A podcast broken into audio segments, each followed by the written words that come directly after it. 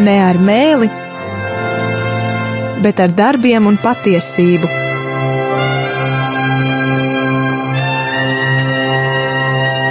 Atvērsim svētos rakstus un studēsim kopā. Māca Jēkabs, Dieva un Kunga Jēzus Kristus kalps.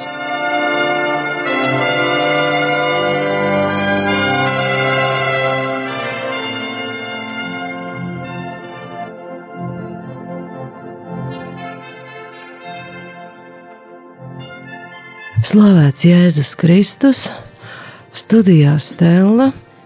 Anģela. Kā pagājušajā reizē mēs nedaudz iepazināmies ar Jēkaba vēstules autoru, nedaudz tās uzbūvi, raksturu galvenajām tēmām, bet šodien mēs sāksim pētīt Jēkaba vēstules pirmo nodaļu nedaudz paplašinot jau izpratni par to adresātu, un vairāk pat saprotot, ka šī vēstule ir mums adresēta, kā arī pievērsīsimies pirmās nodaļas tādai galvenai tēmai, pat pārbaudījums un kārdināšana, ko nereti mēs izprotam ļoti vienpusīgi. Mēģināsim saprast, par kādu gudrību un par kādu bagātību un nabadzību jēkabs runā, un ja mums pietiks arī laika, nedaudz mēģināsim paskatīties, kas tad ir tie vārda klausītāji un darītāji, un sāksim jau saprast, kā tad ir ar to ticību un darbiem, par ko ir noritējuši pat daudzi un dažādi strīdi, un redzēsim jau, kad ticība bez darbiem nevar uh, būt apliecināta, un ka darbi jau izriet no ticības, bet par to visu vēlāk. Vispirms sāksim tieši šo pirmo nodaļu un runāsim jau par šīm kārdināšanām, un ka tas attiecas uz visām šīm 12 ciltīm, un kas tad tās īsti ir.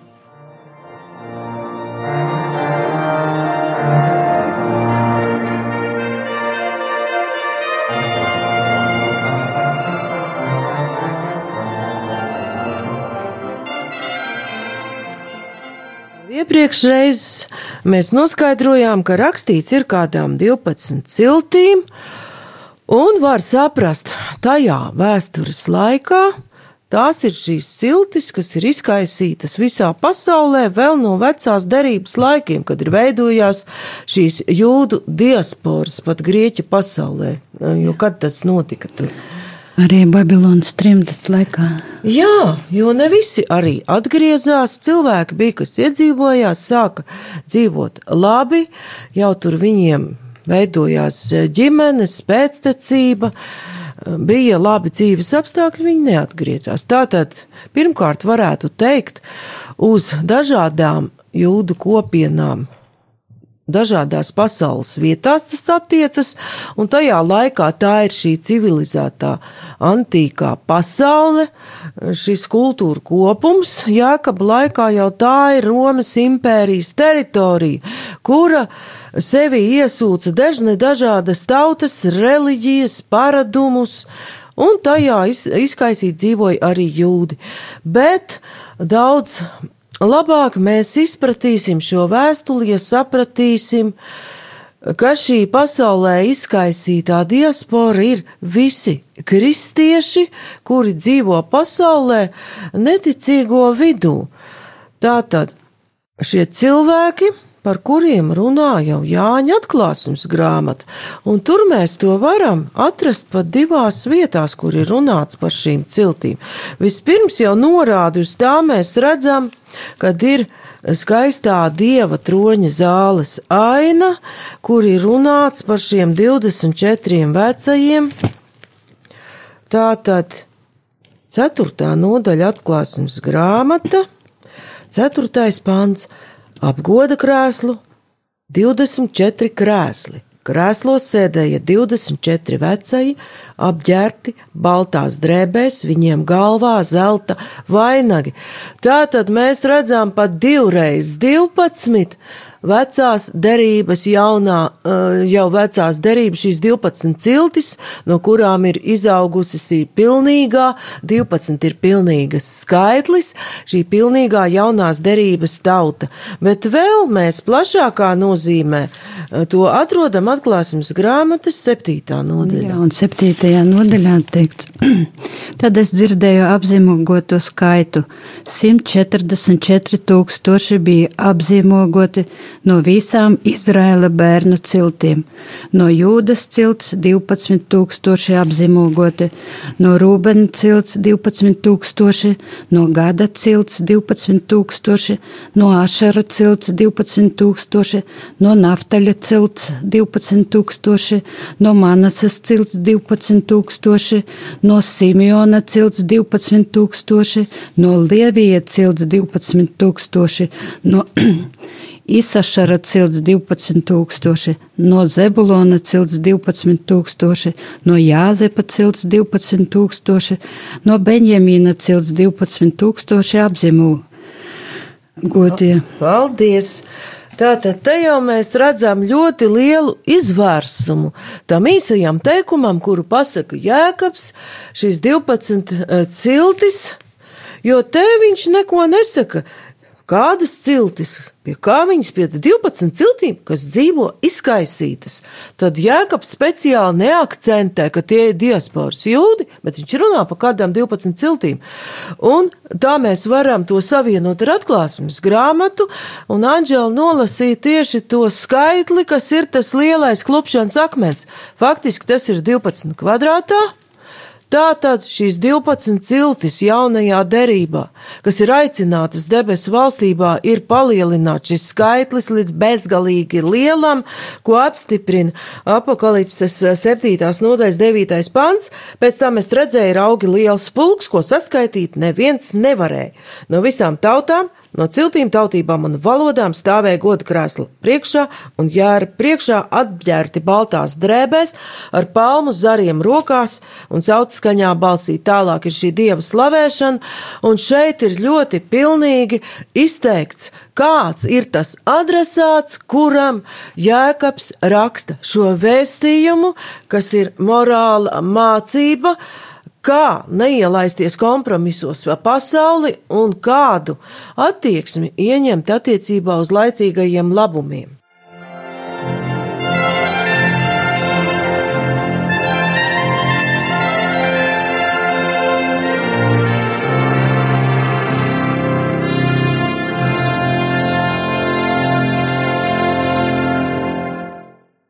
Tagad jau pievēršamies tālākajam tekstam, un uzreiz redzam kaut ko ļoti pārsteidzošu un nevisai patīkamu, paradoxālu.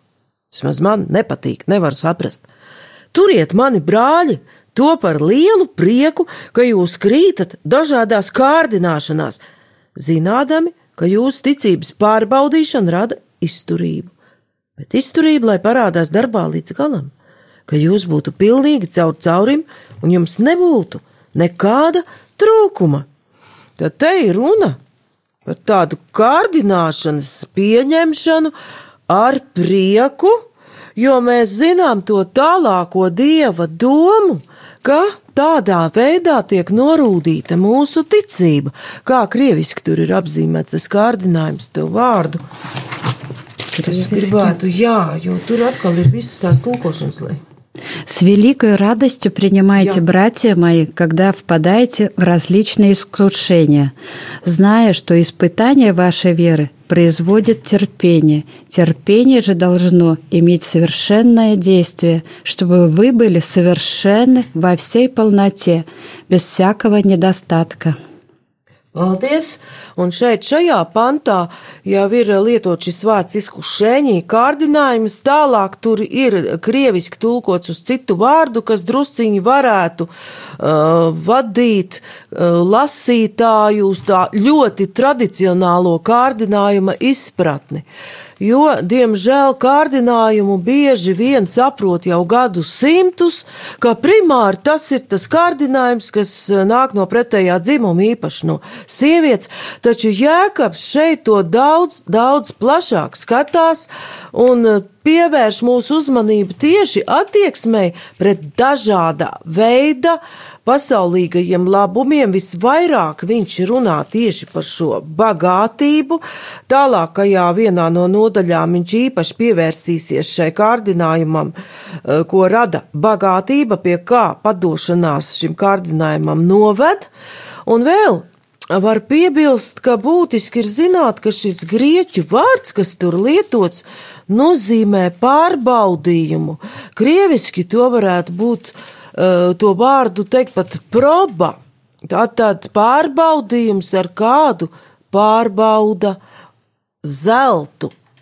Ar kā pārbaudījums, kā viņu kausē, lai viņš kļūtu tīrs, un tā kā nedaudz dārgmetālu kausēšana saskara ir bijusi, nu, es vairāk ir bijusi saskara tieši ar sudraba kausēšanu un liešanu, ugunī, kad viņu karsē, īpašu ķīmisku vielu klātbūtnē, visi tie netīrumi savācās vienā muskulī, un viņus viegli var noņemt nost, bet pats sudrabs kļūst spoži, balts Tātad šie pārbaudījumi ir šī īpašā kausēšana, šīs īpašās vielas, ar kurām mēs kļūstam par šo tīro sudrabu vai zeltu, kas jau pazīst, uh, un var skatīties dieva acīm, kas ir labs un ļauns. Arī, uh...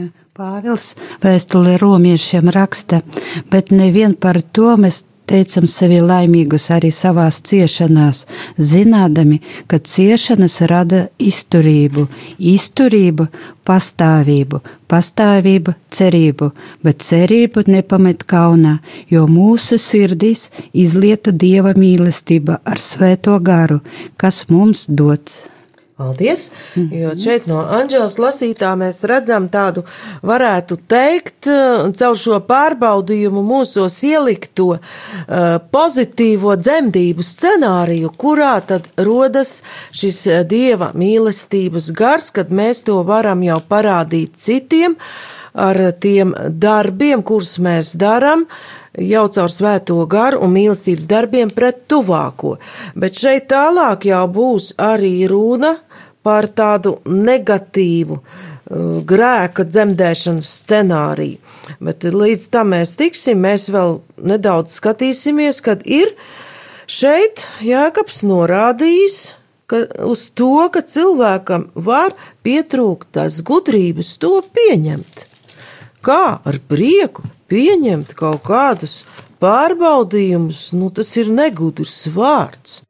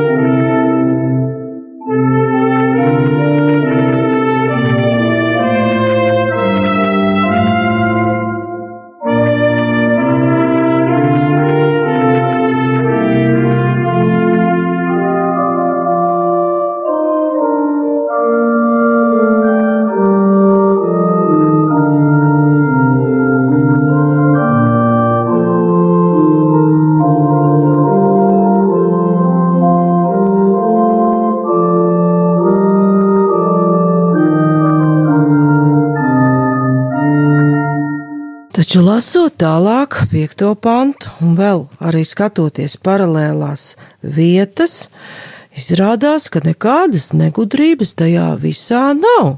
Šis pārbaudīšanas ir, lai mēs kļūtu pilnīgi, kā tas jau tur ir pateikts, lai mēs būtu pilnīgi caur caurim un nebūtu nekāda trūkuma, taču, lai mēs spētu to pieņemt un saprast.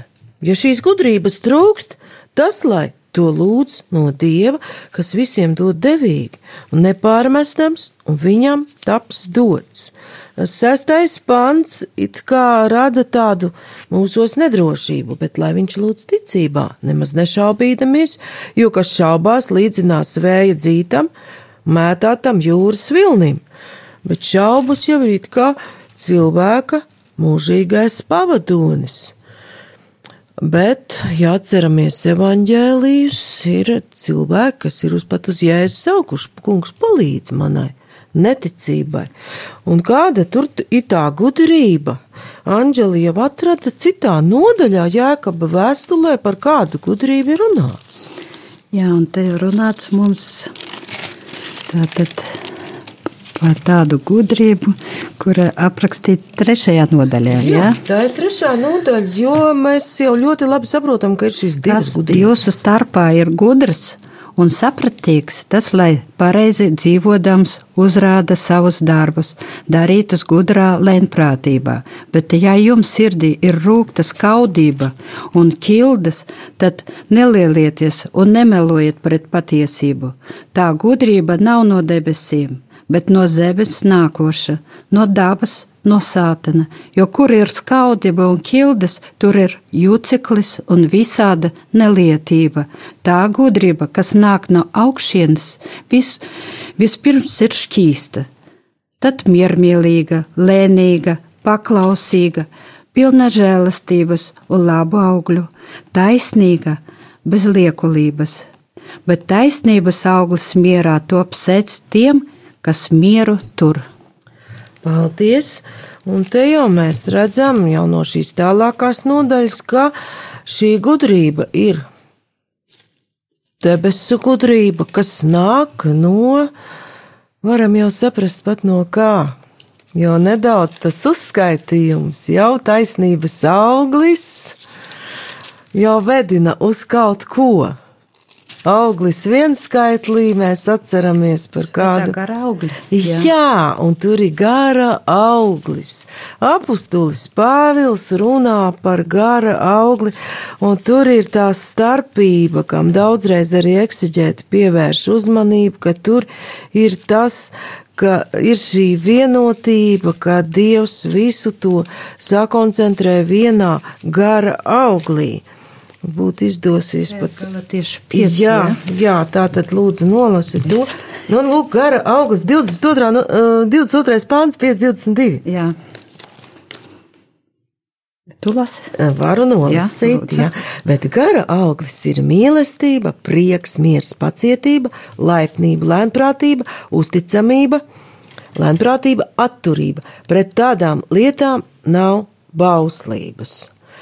Un 25. pants, ja dzīvojam garā, tad arī staigāsim garā. Tātad šie teksti paskaidro, par kādas gudrības izlūkšanu no dieva ir runājis apustulis Jēkabs. Un viņš piezīmē to, ka dievs to visiem dod devīgi un nepārmestams, un viņam taps dots. Tātad viņš nepārmet to, kas iepriekš ir bijis.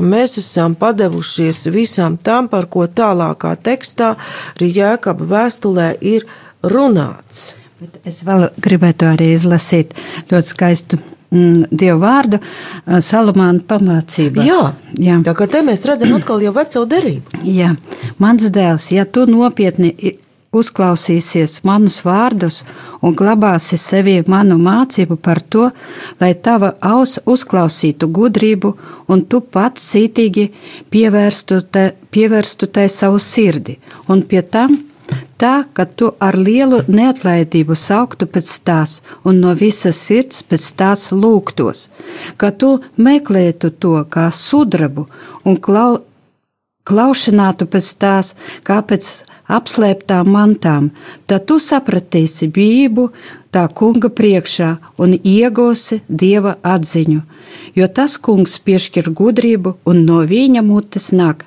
atziņa un izpratne. Paldies!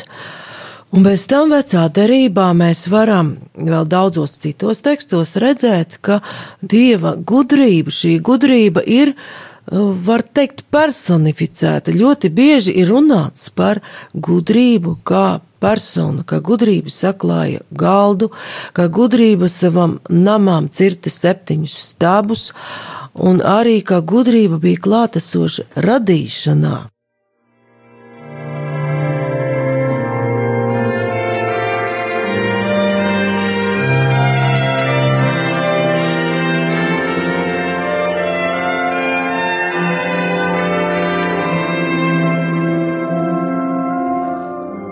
Un kā redzam, pat tikai dažus pantus apskatot, mēs esam ieguvuši ļoti bagātas atziņas, un raidījuma laiks jau iet uz beigām. Un tā tad mēs tagad saprotam, ka mums visiem, kristiešiem, šīm, šai jaunās, jaunās derības tautai, kuras parāda šīs 12 ciltis, mēs esam aicināti lūgt šo gudrību un saprotot to, ka radīšanā bija klātesošs arī pats Kristus, mēs saprotam, ka mēs lūdzam pēc Kristus un viņa gudrības. Bet kas mums var aizķērsot ceļu uz to? Un par kādiem kārdinājumiem runā Jēkabs, to jau mēs skatīsimies nākamajā reizē. Paldies par uzmanību! Studijā bija Stela un Anģela. Izskanēja raidījums Ne ar mēli, bet ar darbiem un patiesību